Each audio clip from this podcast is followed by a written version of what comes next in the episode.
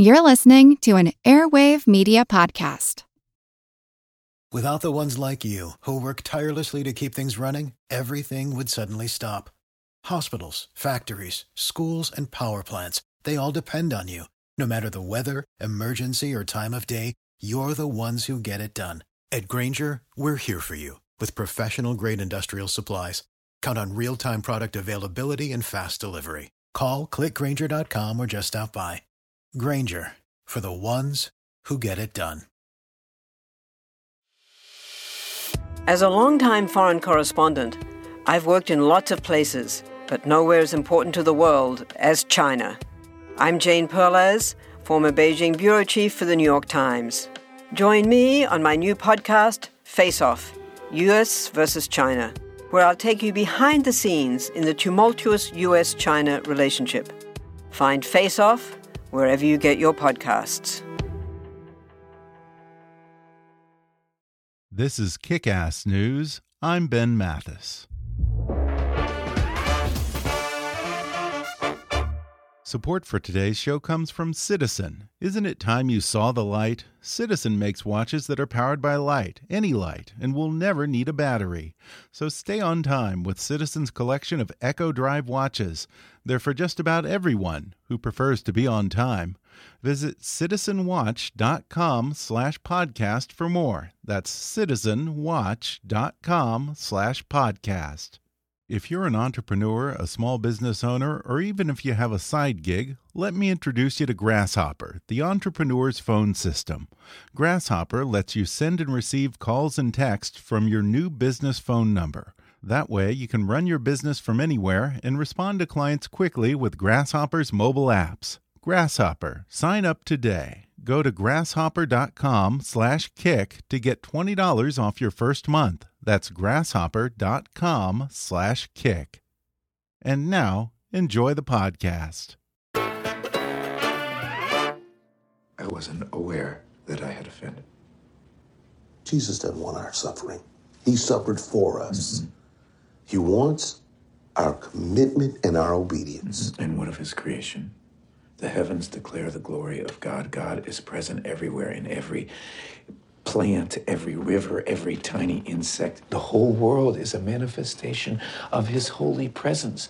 I think this is an issue where, where the church can lead, but, but they say nothing. The US Congress still denies climate change. Where were we when these people were elected? Hi, I'm Ben Mathis. Welcome to Kick Ass News. That was Academy Award nominated actor Ethan Hawke as a solitary middle aged parish pastor with a dwindling congregation in a dramatic and thought provoking new film called First Reformed.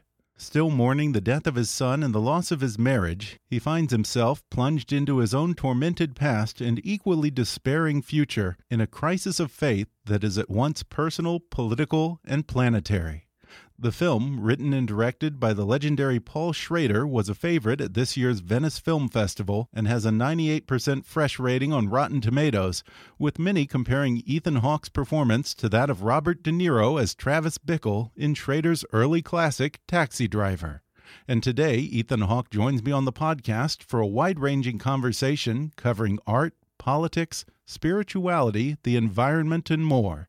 He describes working with Robin Williams on Dead Poets Society, why he says he finds more creative fulfillment in music than acting, and what he calls the spiritual marriage between an actor and director. He opens up about his own spiritual journey, his admiration for the work of Thomas Merton, his thoughts on the social responsibility of religious leaders, and his skepticism of megachurches that preach prosperity. Plus, Ethan talks about what he calls the velocity of depression, why he's not afraid to take long breaks from the silver screen, his work with the YMCA to help kids overcome tribalism and find common ground in the modern age, and his upcoming project about our favorite mad scientist, Nikola Tesla. Coming up with Ethan Hawke in just a moment.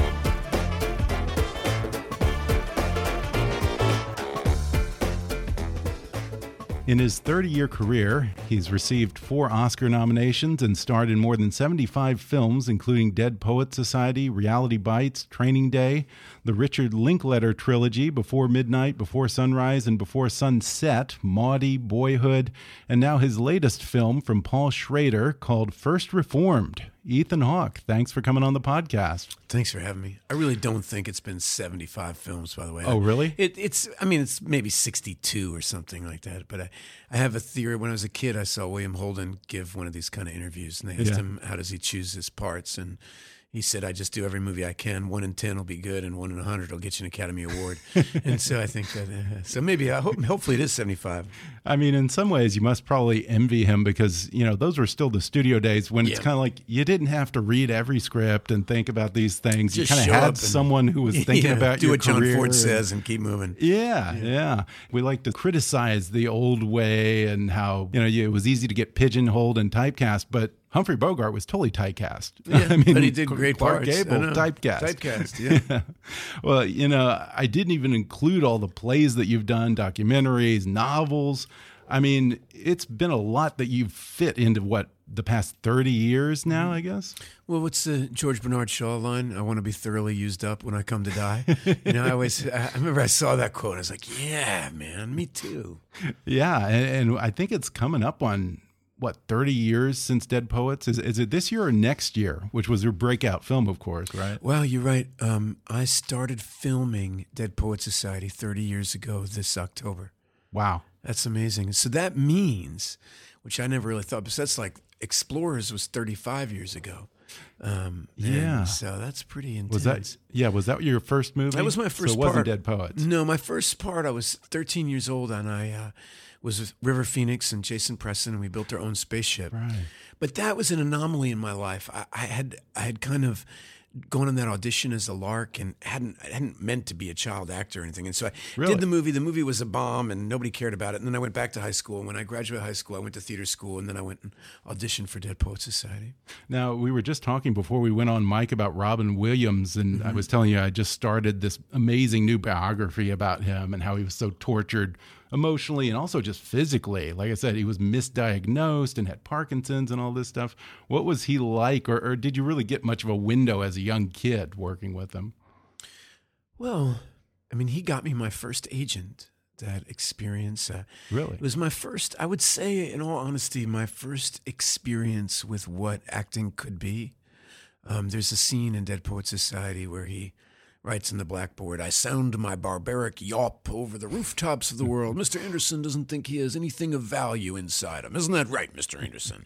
You know, and um, and the scene went on from there. And it's a scene where I'm supposed to recite a poem in front of the class. And uh, there was the feeling, it was, you know, I wouldn't be exaggerating to say, I wouldn't have said this at the time, because I, but it, it was something transcendent about acting with him. There were a lot of young men in that room that I admired Josh Charles and Robert Sean Leonard, and James Yeah. Waterston, all the guys from the movie. And we were learning about acting together. And it was a very big scene. And, you know, when you shoot a scene like that, it takes all day. And the steady cam was new. The, the cam, you know, this, Oh, it never really, you know, steady cams had just started. This idea that we're going to Yeah. float around the room with the steady cam, which actually involves everybody because nobody's sure when they're going to be on frame. And so everybody, Yeah. and there starts to be this collective imagination thing that happens. Yeah, that's true. And it was a magical scene. I remember when the day was over, I, it is a little bit like I often hear drug addicts say. It's like that first hit, that's all I wanted to do ever again. and I haven't stopped. And it's connected to Robin. You know, I mean, it, um, that was my first touching of what the possibilities of acting are, which is actually transcending yourself. It's, they make this big deal about acting like it's the cult of personality or like you're fabulous because people see these award shows and walking around. But of course, acting at its best, you're actually leaving yourself behind in this wonderful way and being in service of a story, and that story goes on to impact other people hmm. and impact their lives.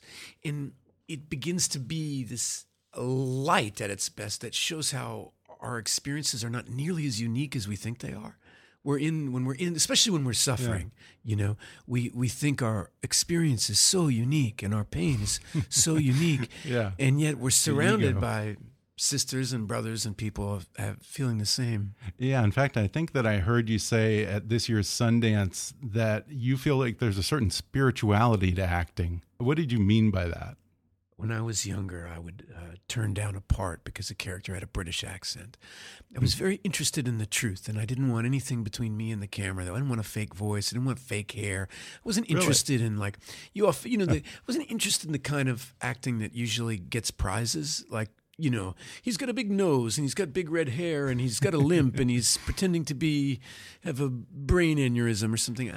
I, was very interested in real life and regular life and the truth and the non-drama. That's why Richard Linklater was this mm-hmm. amazing partnership to find. Oh, he yeah. was, a, I was the perfect actor for him, and because it was really what I was blurring the line between performer and character was something that was very interesting to me. But as I've gotten older, I've realized that what I think of as myself, me, the attributes of my personality. You asked this question, all right, buddy. So I decided I decided to answer right. it. That's all That right. the I feel like I'm with you the know- Dalai Lama now. No, you're not. When when I've had four kids and you hold them when they're Yeah. born, there's an essence to them hmm. that you actually recognize as they get older. There's this essence to my older. She's turning 20 in a, in a month. And I reckon who is her, she, this person, Maya, was present in that infant. And I couldn't have told you what that was, when, but I recognize it as it's grown. Hmm. But it's not what clothes she wears, and it's not the affectations of her voice, and it's not whether she decides to be a vegetarian or whether she decides to be a Trump supporter. It's there's an essence to her that is beyond all these labels that we come up with. And one of the amazing things about acting is that you can wear the accoutrements of personality a little bit like clothes, in that how my voice is is not the essence of me. Um, it's the essence of where I'm from and the people I've been surrounded by or the experiences I've had. But you start, and so there's, if you see where I'm answering here, which is that there's something spiritual about this, which is you're getting at what is the essence of all of us, what is changeable, what is unchangeable. Um, and it's a very, very interesting question. And it's something that I find when people offer me parts or things like that, I, I'm not looking necessarily. I mean, there's been times in my life where I've looked for a job that will pay my bills or something, but really, I'm looking for things that are pushing me in my relationship to my work that helps my life be more interesting.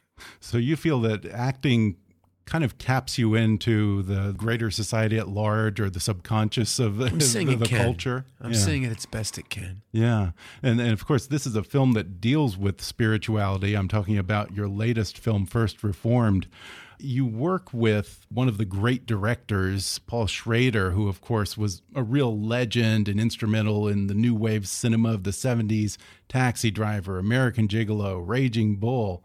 Um, is this your first time working with him? It is, yeah. Uh, I once heard that you said that your favorite quote was by Marlon Brando, and he said something along the lines that acting in a movie is a little bit like spiritually marrying your director. So, what was Paul like as a spiritual spouse. spouse? Was it- a honeymoon, a rocky marriage, a little bit of both? Um, Paul is a bull. yeah. You know, he's a giant uh, bull. And one of the things that happens when you work with him, or what happened to me, is it's the first time in a little while where I felt really excited to get older. Um, he's incredibly wise. And we've had this thing in our culture of devaluing experience, and we kind of have put this huge value Yeah. on on a beauty aesthetic, or we've put a huge with this. And Paul actually is deeply knowledgeable about cinema, and I start to realize how many phonies I've worked with. People who, I mean, this guy, you know, transcendental style and film, he knew more in 1971 about film than I know now. And he's been dead. And that was before he worked with Scorsese. Yeah. Do y- y- you know, and before he wrote Last Temptation of Christ, before, I mean, you know, we're talking about, and here's the other interesting thing that I find for young people, I, I would, he's also failed a lot.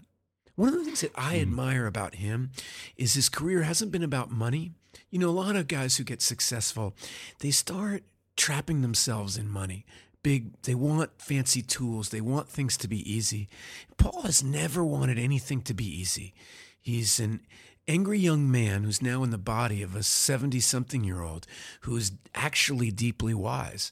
And so when I read the script for First Reformed, it was it's clearly the same voice that wrote Taxi Driver. Oh, yeah. It's just a wiser um he's the the the sword is a lot sharper and therefore can move a lot slower and more meticulously. hmm And it really made me excited to continue to grow up. Yeah, and this film bookends nicely with Taxi Driver, I think. It does, yeah. You know, a lot of the audience time in this movie is spent inside the mind of your character, this pastor who experiences a, a similar sense of despair and isolation as Travis Bickle does in Taxi Driver.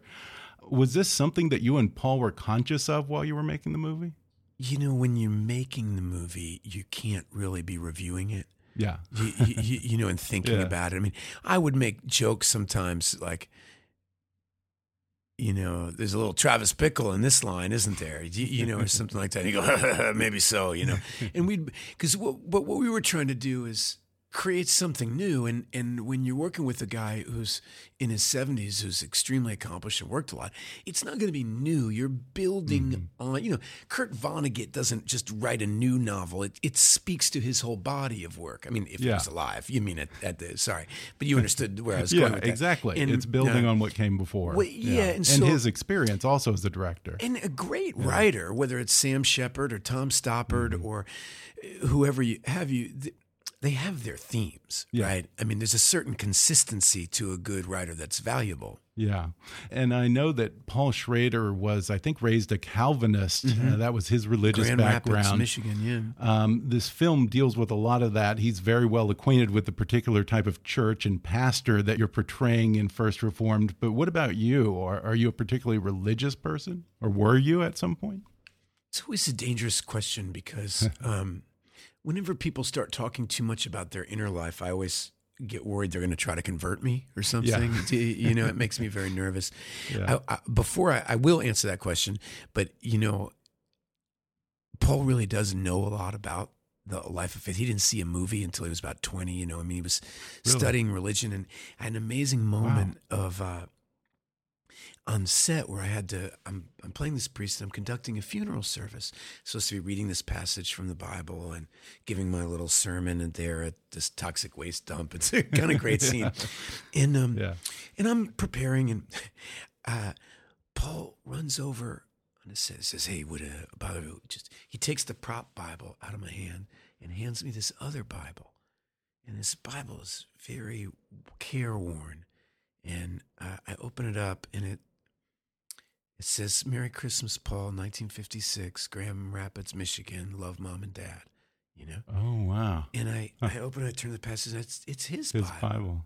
Wow. you know and it was it was a very powerful moment for me because i realized how important this movie was inside of him hmm you know that i was actually inside his creative energy you know as as it were it's very and of course we, we did the scene cut and he ripped it out of my hand but uh you know for me uh you know, I knew I was going to love the script when early on my character talks about his relationship to Thomas Merton. Because Thomas Merton is a Catholic monk, was a Catholic monk. He died in 1968. And uh, he's a very beautiful writer. Um, and he was incredibly impressive because of his openness to other religions and other philosophies and his viewpoint uh, on Christian mysticism is very exciting. And his definition of God is illuminating and not restrictive. Um, and I found his journals throughout my life to be a source of inspiration. In fact, you know, one of the things nobody would be interested in hearing this in the slightest, but one of the things I think as a young man that I found so powerful about his journals is that he he really felt he had to choose between writing and um, and the religious life. That if he was serious about his religious life, he would give up his ambitions as a writer. Interesting. And you, you in his journals, you really hear him at war with this struggle. And what happens is it launches him into being one of the great Catholic writers of his generation. And I was reading this at a time when I was trying to decide w- whether I wanted to be a writer or an actor. And I really saw them as at war with each other. And I, through these journals, really realized that integra- integration of the self is what you're looking at. You don't want to banish one side of yourself or only fan the flames of this other. That really, what you end up getting from his life's journey is that we can, we can be a whole self. And, um, and so I don't know. Thomas Merton uh, has been very important to me in my faith, and uh, you know, I was baptized, confirmed, all that stuff, and and um, it's gone through different. I've gone through different periods of my relationship to it. Right. Well, any thinking person probably does over the course of their mm -hmm. life. And, and, it's interesting when you talk about Thomas Merton because that comes into it in the film. You mm -hmm. see this contrast between yourself, who is a more traditional Calvinist preacher, and you are a theologian and interested in reading and mm -hmm. writing, and almost in a in a rabbinical way, you know, interested in the intellectual debate of mm -hmm. religion. Um, and you see that juxtaposed with a man who's sort of your mentor, sort of a mm-hmm. benefactor, played by Cedric the Entertainer, who is one of these mega church prosperity mm -hmm. pastors at a church called I think it's Abundant, Abundant Life, Life. Mm -hmm. which is perfect because that's the buzzword these days, abundance, uh, which yeah. is another word for you know ask for whatever you want and whatever you want well, is going to be if, immediately given to you yeah, if you, if you just pray and believe. anything was ever to get more. We keep pretending yeah. the answer is that we want more. Yeah, there's. Uh, there's a great um, documentary coming out. A document I participated in briefly, but it's about um, Elvis, and it kind of uses the life of Elvis to parallel the life of America from the oh. 50s to now, and kind of comparing basically huh. that Elvis in his fat suit, unable to take a D on the toilet, you know, dying is, is basically Trump in the White House. You know, that's yeah. basically what we we started as a country. We started after the war as this kind of innocent, truly spiritual um, uh, you know, beauty, right? Mm-hmm. And then pinched off the soul of the African American community, stole their stole their suffering, stole their music, yeah, stole their music, yeah, and made a ton of money, and then kind of got bought by the army and started yeah. acting like that's what we were all about. And then before you know it, we're fat and pimped out and uh, addicted to drugs, and that's where we are now. yeah, you seem to have a real interest in music alongside your oh, acting and writing. I mean, you have this other film that you directed and mm -hmm. wrote as well uh, called Blaze, and they yeah. kind of went to all the same festivals. festivals it seems alongside uh -huh. each other, both to great critical praise. Um, that one, I think it follows Blaze Foley, a country mm -hmm. musician. You also you played Chet Baker not mm -hmm. that mm-hmm. long ago in a film. You did this documentary on the pianist Seymour, Seymour Bernstein. Yeah. Um, do you play an instrument? Do you consider yourself a very musical person? Because it seems to be a significant part of your life, I guess. You know, that's a very good question. I've thought about where is all this coming from myself. Yeah. And I think part of it has to do with when I started acting, it was a real passion. Um, I loved it. And slowly, I still love it. But it's now how I pay for my kids' education. It's how I pay my rent. It's how I mm. pay my child support. It's how I fix the toilet. Um, it's how I pay for a vacation. And it's a little bit a job. Yeah. It's a little bit, it's something I take okay. great pride in. And what it's done is it, it, it, it, sits on top of my love, but it's pretty heavy. you know? yeah. And music is a place where there's nothing sitting on top of it anymore. And I feel like, I think that some part of my brain is trying to find another art form mm-hmm. to, you know, where there's no um, worry attached to it. Mm-hmm. I don't, I don't know about you, but uh, there's that makes sense. So much anxiety to adult life. Like, you, you, know, am I, am I going to afford that? And yeah, and am I? But do I care about money too much? Not enough. Yeah. What's the balance? What you know? But but I feel like this generation, or not just millennials, but people over the past thirty years, seem to put this huge expectation on themselves that if they're not one hundred percent satisfied by their job, specifically by their their job, then there's something wrong with I them. But I look at a lot of the women that I'm friends with, and somehow the culture has put them in this position where it's almost impossible to be happy. You're supposed to be a great mom. You got to be a great mom, right? Or else you're just a total Yeah, loser. you're a but you also better have a career, or else you're just a Mm-hmm. housewife, all right? And that's not cool. So you got to be a great mom, and you have to have a great career. And Yeah. also, by the way, you better be smoking hot, all right? And so get to the gym, right? And you better have a great relationship with your husband, but not be defined by him, right? And you're starting to create this situation for to be happy, you need to have everything. Mm-hmm. And that's a recipe to be absolutely miserable because what it does, I Yeah. think it creates this feeling in all of us men too of just coming up short all the time.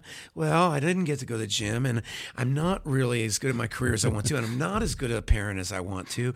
And I do like, in, Yeah. in, in, it, it, it creates this feeling of you know that terrible feeling like when you're treading water and you feel like you're losing like Mm-hmm. i'm alive right now but i think in 35 seconds i'll be drowning We're going to take a quick break, and then I'll be back with more with Ethan Hawke when we come back in just a minute.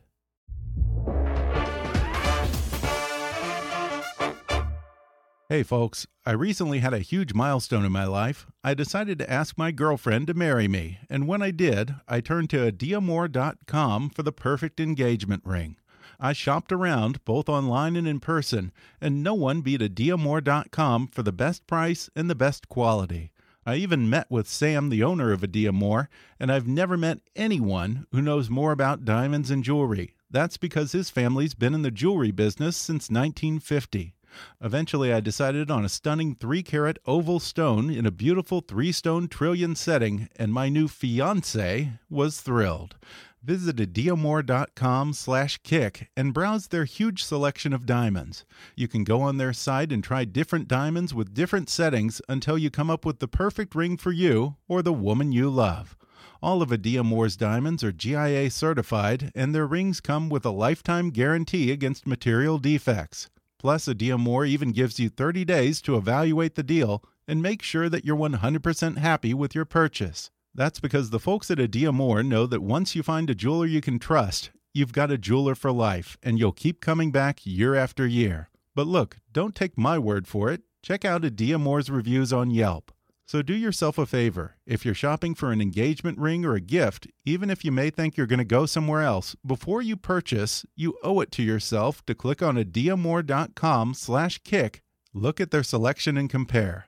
That's adiamor, A-D-I-A-M-O-R dot com slash kick. Their quality and prices speak for themselves, and my fiance and I couldn't be happier. And now, back to the podcast. One of the things that's always been interesting about you is you're not afraid to step away from it for a while, take a break from films for a year, or some mm-hmm. cases, I think at some points, even years. two mm-hmm. years. Most actors are terrified mm-hmm. that, you know, if when they finally decide to come back to it a year or two later, their agent won't return the call or they won't be getting scripts, people forget about them. Uh, how do you not have that kind of anxiety? Well, I do, first of Yeah, all. And second of all, I've also been incredibly blessed with it's you know, every life has its you know, we all get dealt our cards or whatever, but I've had you know, I was in Dead Poet Society when I was 18, and that opened a lot of doors for me and, Yeah. cre- and created a lot of freedom. Um, and what I try to do is use whatever modicum of success I have to create more freedom in my life. What what I see happen to so many of my friends or people I know is that you start getting successful or you know perceived successful, and then that makes you feel like you just have to be more successful or else you've somehow failed. And one of the great things about the arts is that it's not defined by money. Almost every other job, you know, like we always turn everything into a sporting event, but you know how what kind of year you have by how much money you made this year. Well, some of my best creative years, I didn't make any money. You know, Allen Ginsberg never made more than 17 grand. He's the defining poet of his generation. Do you know? So you can't use money as a barometer for mm-hmm. success in this profession of, of the arts. You just can't. It's fundamentally flawed. I mean, in fact, most of the people that make a lot of money on the arts are definitely not doing anything interesting. You know, it's pretty much you know, you know, Linklater got nervous when Boyhood was such a success. Well, maybe it's not as good a movie as I thought.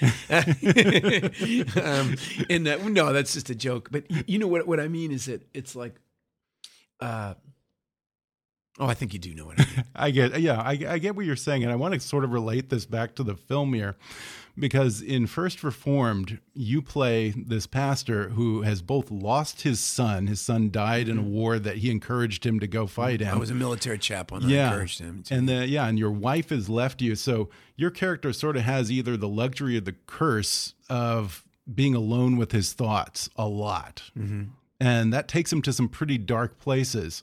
As a guy with four kids and a lot of projects on your plate, do you subscribe to the idea that too much time to think can be a bad thing, or, or do you spend a lot of time in your head?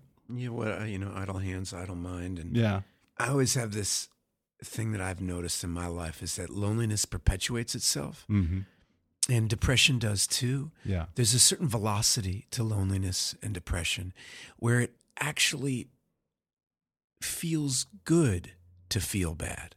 It mm. feels comfortable, at least. And um, it's the same way I think that people get involved in abusive relationships. Like their father beat them, and now mm-hmm. that relationship feels familiar yeah. and feels like love. And in my life, the time periods I've been the most lonely or the most depressed, there have been avenues to break out of it that I didn't want to take. And looking back on huh. it, I don't know why, but I, I, think it has a certain velocity to it. You yeah. you start to want to go down the rabbit hole, you, you know, and the, mm-hmm. the darkness kind of does start to call you. And I do find working in helps engage you with other people you know, yeah, it, sure. it's so corny, but you know, my mother used to always say this to me when I was 19, 20, 21 and stuff. I'd get really depressed and she'd just say, Have you exercised? You know, and I'm like, Oh, mom, that's ridiculous. and then as I get older, I find myself saying the same thing too. Like, if you engage with the world, yeah. it does help break the spell. Yeah, yeah. I don't. you know, I'm going to sound like some kind of 89 year old spinster grandma. Kids, make sure you get sleep. Yeah, but I think that you're onto something. I do think that there is something to be said for this idea that if you spend too much time in that dark place, it can become your norm, and then you're afraid to break exactly. free. And look, look what happens yeah. to Reverend Toller, my, my character. Mm -hmm. He's mm-hmm. the movie on page one. He's lost his son and lost his wife, right? Yeah. And his wife basically left him because he guided his son into the military, and his son, you know, died in Iraq. And um, and here he is alone in this parish where it's only known for its relationship to the past. It was a, a parish that's famous for being part of the Underground Railway, and what I've find so brilliant about that from a text place is that we all look around and go, and you see some environmental terrorist. Let's say there's some guy who's going to go lay down in front of the trucks cutting down the rainforest or something mm-hmm. and get killed, or somebody's going to blow themselves up for a, or, or you know, the the um, South Dakota um, Standing Rock. You right. know, like part of it's, you know, we we, you know, who wants to go set themselves on fire to stop that, and and you I mean, it does seem that religion today is divorced from the kind of advocacy that, say, oh, a Jesus that, that, would have would have, would have had back in his Whereas time. We see that person as a radical, yeah. as a freak, and yet right. we look at people who worked for the Underground Railroad and yeah. the people who risked their lives, who were seen as radical freaks of their day. Mm -hmm. You, you, know, people who are willing to die to stop injustice, something that we all know is unjust. Yeah. And and we and so Reverend Toller's sitting there in this parish all by himself, thinking about the Underground Railway and having this young man come to him and saying, Why are we letting the planet catch on fire? What are you doing about it? You know, meanwhile, yeah. people are yelling at him for you know, letting the choir sing a Neil Young protest song, and you start to get angry. I mean, it's brilliantly yeah. scripted, you, you, know, and um, yeah, yeah. I mean, he's such a fascinating character. And I feel like society today doesn't allow for that type of duality, the potential for serious philosophical thought like we're, that. We're allergic to yeah. non dual thinking. You know, the, mm -hmm. the whole kind of it's what's happened. I mean, it's how Trump got elected, right? Yeah. Is that we all became so tribal. I mean, I think it's been fascinating that we, we became so tribalistic that we didn't really debate issues anymore. You're either on one team or another team. Right. And now this snake oil salesman can kind of come in and take advantage yeah. of this great hole. It was fascinating watching Barbara Bush's funeral and seeing the um, elegance and dignity with which the Bush family carries themselves, mm-hmm. and realizing that wow, the left used to have a problem with these guys. This guy, George Bush, had on his yeah. desk to to whom much is given, much is asked. You know, that yeah. used to be on his desk. And and what, what do we have? We have now is like a, a guy trying to sell his hotels. Yeah. I mean, it's like we've we've we've fallen because, and I, I really think about this. I think it's really interesting because in in my generation, I've seen this. When I was a little kid, you would watch. Um, I remember George H. Bush talking about Jimmy Carter as one of the finest Christians he'd ever met. Do you know? Yeah. I remember Tip O'Neill, who was a Democratic Speaker of the House, saying that he didn't agree with Ronald Reagan, but damn, what a hell of a man. Do you, you- you know?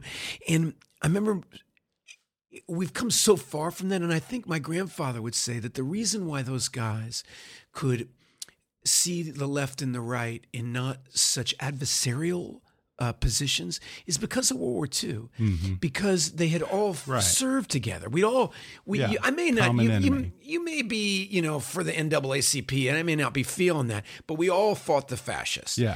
and um, and so we, we, we would, they would have that together, and as we've gone further and further away from that, we. We, you know, you even see that some people prefer the Russians to Hillary Clinton, do, you know, and they really feel that Yeah, way, yeah. and and that's really true for them. But that's we've come a long way, and it's be it's interesting to me that that kind of tribalistic thinking has mm-hmm. gotten us away from being an issue based mm-hmm. democracy. You know, Yeah, and one of the things that I love about this movie is that it touches on a lot of this in very subtle ways. It's about so much more than just the plot of the film. It gets I- into society and politics, and there's certainly you see in these mega churches and in the Cedric character, you see a reflection of society as a whole where people don't want to be told something's hard. They don't want to be told that they may have to retrain or move to find a new job. They just want someone to tell them, "Hey, I'm going to bring back your coal jobs," and tell them what they want to hear. It doesn't matter whether whether it's, if it's true, true. or not. It doesn't yeah. matter. Yeah. At some point, I think a few years ago, I read you say that um, you prefer great art over politics, uh, which you said shows how little you care about the latter. Since 2016, at least from what I'm hearing from you right now, I, I'm assuming that you feel a lot more politically engaged than you did in 2012. Huh? I do, but I also stand by that sentence. You Yeah. know that I also think that great art is good politics. Mm-hmm. you, you know what bad art is? It has is left or right. Do you know what what's beautiful about First Reformed is it's not it doesn't have an agenda about how you vote. It's not trying to tell you that you need to be more environmentally conscious. It's trying to talk about a crisis that's happening right now in our world that we don't know how to feel about. Mm-hmm. Yeah. It's giving voice to a situation. It's not telling you how to think about it. I don't like some movie that's tr- that's trying to like uh, that's not about telling the truth. Yeah. You know, that's what that's in it, it does seem that our political voices need to be heard um, because a lot of times unfortunately the most angry like take the christian community for example i grew up a christian and i am a christian and some of the most radical unintelligent members of the christian community get the megaphone there's Yeah. a lot of Yeah. enlightened christian thinkers and scholars and workers in this country um, a lot of whom are african american a lot of whom are uh, th- that don't have the loudspeaker. Big money has the loudspeaker, right? Mm-hmm. And big money gives certain people that facilitate their agenda the loudspeaker. Yeah. You know, I mean, how the evangelical movement is talking about building a wall is kind of beyond me. I, I don't. I don't understand. I Yeah. haven't even read the New Testament. I'm not sure Jesus wasn't really about building walls. It's kind of. It, it's. It's. I find it fascinating. You know, blessed are the greedy. Blessed are the self promoters. Yeah. Um, Yeah. you know, uh, Yeah. blessed are the rich. Yeah, exactly. Uh, know, Evangelicals for porn stars now. Yeah, suddenly, yeah. you know, come on. but you know, you can do the break. same thing to the left. It's it's Yeah. it's. I mean, it's amazing how much people who supported Bill Clinton through his Monica Lewinsky things want to jump on the porn star thing. Yeah, and yet, exactly. and it's also amazing that the people who were, you know, the Ken Starrs of the universe who were attacking Bill Clinton seem to not care about the. Stormy Daniels. It's, Yeah. It shows what hypocrites we are. Yeah. And it, it, it that's what bothers me most on both. And, and that's why it's like you've got to get rid of both these sides Mm-hmm. and and start. That's why I watching. You know why Jimmy Carter and George H. Bush are a great example Mm-hmm. to us because they're men uh, and uh, who carried themselves with dignity and who you honestly believe when they went to bed at night really were trying to do Yeah. good for the country. You may not have agreed with how they did it, but you know they weren't they weren't trying to sell their daughter's shoes. Do you know what I mean? it's like you just you Yeah. know, and so it's whatever side of the argument we all use um, arguments against each other, but not for each other. you know? Yeah, yeah, and, and one thing that really interested me is uh, apparently you've been working with the YMCA Mm-hmm. to get kids to kind of come together and overcome that sort of tribalism as well. I kind of believe that. that You know, the, the Y is a kind of amazing organization because Yeah. it's. I've started to because I travel a lot. So I'm always, you know, I'm in Atlanta shooting a movie, and I'm in Seattle doing a play, and I'm doing a thing in LA, and there's always a Y that you can go work out in, and and Yeah. you see.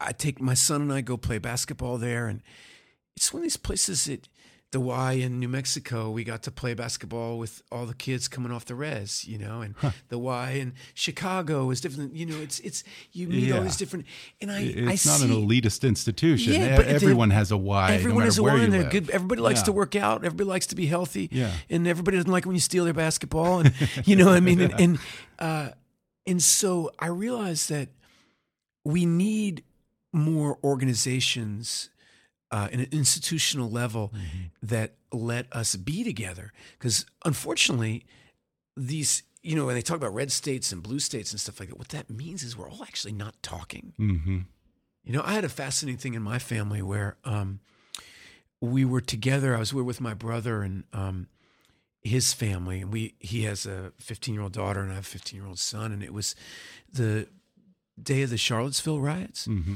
and it was really interesting because I said something like, "Oh, I just wish they'd tear those statues down," and my niece was really angry at me and passionate about why history was so important to her, and she's grown up on military basis and the rewriting of history she was completely opposed to. And my son went talking about, "Well, what do you mean? Why is there only one history? Why and hmm. why in you know my son's single? Yeah. Why in, in Berlin do they have statues of Rommel? You, do you, you know, does Goebbels have a Yeah. statue? I mean, this Yeah, guy illegal. this guy tried to end the United States of America. You know, Robert E. Lee, Jefferson Davis. This guy really fought and killed other Americans to uh, encourage his right to be able to enslave another part of our population. Mm-hmm. And we talked about it all day long, and we ended up listening to the mayor of Louisiana's speech.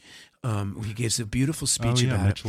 And we were all, the whole family's on different sides. And by the end of the night, everybody realized that they'd never even heard an intelligent argument from the other point of view. That all, you know, if you're watching Fox News, you only hear X. And if you're watching Yeah. C, you only hear Y. Yeah. And so what I realized what was upsetting to my niece is she thought that if I thought X, that meant I hated her. yeah, And that to me showed me where we're at. That you we're not we're not even talking about issues here. We don't disagree. We're we're You're we're right. we're engaged in in a yeah. in a position in maintaining a position. Yeah, I had someone the other day who was saying that we need to have more spaces for connectivity or And that's what the, you asked about the why. of connection. And I I started think that's thinking, what you you're know doing. what? The why Yeah, is this, big. and the that's cool. movies are. Why I said that thing about Yeah. politics and art. The movies are a place where you shouldn't go and be preached to Yeah. about your politics. This is about our lives and telling our stories and sharing our stories. Yeah, and absolutely. We, and and we, we got to share our stories, and that's how we. I learn from your story, you learn from mine, Mm-hmm. and we make sense out of the world. Yeah, I mean, and that's how you get to the point of you know being able to have intellectual conversations and question things in your mind when you get out of the dogma when you can separate And- yourself from that. Yeah, and you can be wrong, and and Yeah. you can think about things from a new way. Yeah. Well, before we go, I'm kind of a science nerd, so I have to ask about the Nikola Tesla biopic Mm. you're, you're doing. Uh, any word on when we can expect that, and what's your take on our favorite mad scientist? Well, I don't know. I've just begun thinking about it really. Okay. Um, but we're hopefully going to shoot this fall. And oh, you know, I'm fascinated about how history works and how the Edison Tesla competition now history really remembers Edison and history has Mm-hmm. Yeah. forgotten Tesla. But now Tesla is reemerging and people are, you know, this case to be made you could give Tesla the credit for the internet and there's a you, you know Yeah. he's a really brilliant man and I think a deeply lonely person. hmm Um, and I I find loneliness, like we talked a little about, I find it really interesting. Yeah. Um, and certain, but it, not to bring it right back to where we began. Not unlike Robin Williams, you know. Yeah. Genius is an overused word, but I might say that Robin is the only genius I've ever worked with. Meaning, he just really wasn't like anyone else. His brain didn't function the way anybody else I know. Yeah. And it was a great, great burden. Yeah, yeah, like Tesla, one of those kind of guys that just can see things in a way that no one else can, can see around corners. Amazing. Well, I can't wait to see that. And I absolutely loved First Reformed. I can't you. recommend it enough. It's out in theaters beginning May 18th. Ethan Hawke, thanks so much for talking with me. Thanks for having me. Thanks again to Ethan Hawke for coming on the podcast. Catch his brilliant performance in First Reformed, now playing in theaters. Check your local listings for showtimes. I also want to remind you to check out adiamor.com slash kick for a huge selection of diamonds and jewelry. When I recently decided to pop the question, I shopped around, but no one beat adiamor.com for the best price and the very best quality. All of Adiamor's diamonds are GIA certified, and their rings come with a lifetime guarantee against material defects. Plus, Adiamor gives you 30 days to evaluate the deal and make sure that you're 100% happy with your purchase. That's because the folks at Adiamor know that once you find a jeweler you can trust, you've got a jeweler for life and you'll keep coming back year after year. So do yourself a favor. If you're shopping for an engagement ring or a gift, even if you think you're going to go somewhere else, before you make that big decision, you owe it to yourself to click on adiamor.com slash kick, look at their selection and compare. That's adiamor.com slash kick. A-D-I-A-M-O-R dot com slash kick. If you haven't already, be sure to subscribe to Kickass News on iTunes and leave us a review. You can follow us on Facebook or on Twitter at, at KickassNewsPod. And as always, I welcome your comments, questions, and ideas at comments at kickassnews.com. I'm Ben Mathis, and thanks for listening to Kickass News.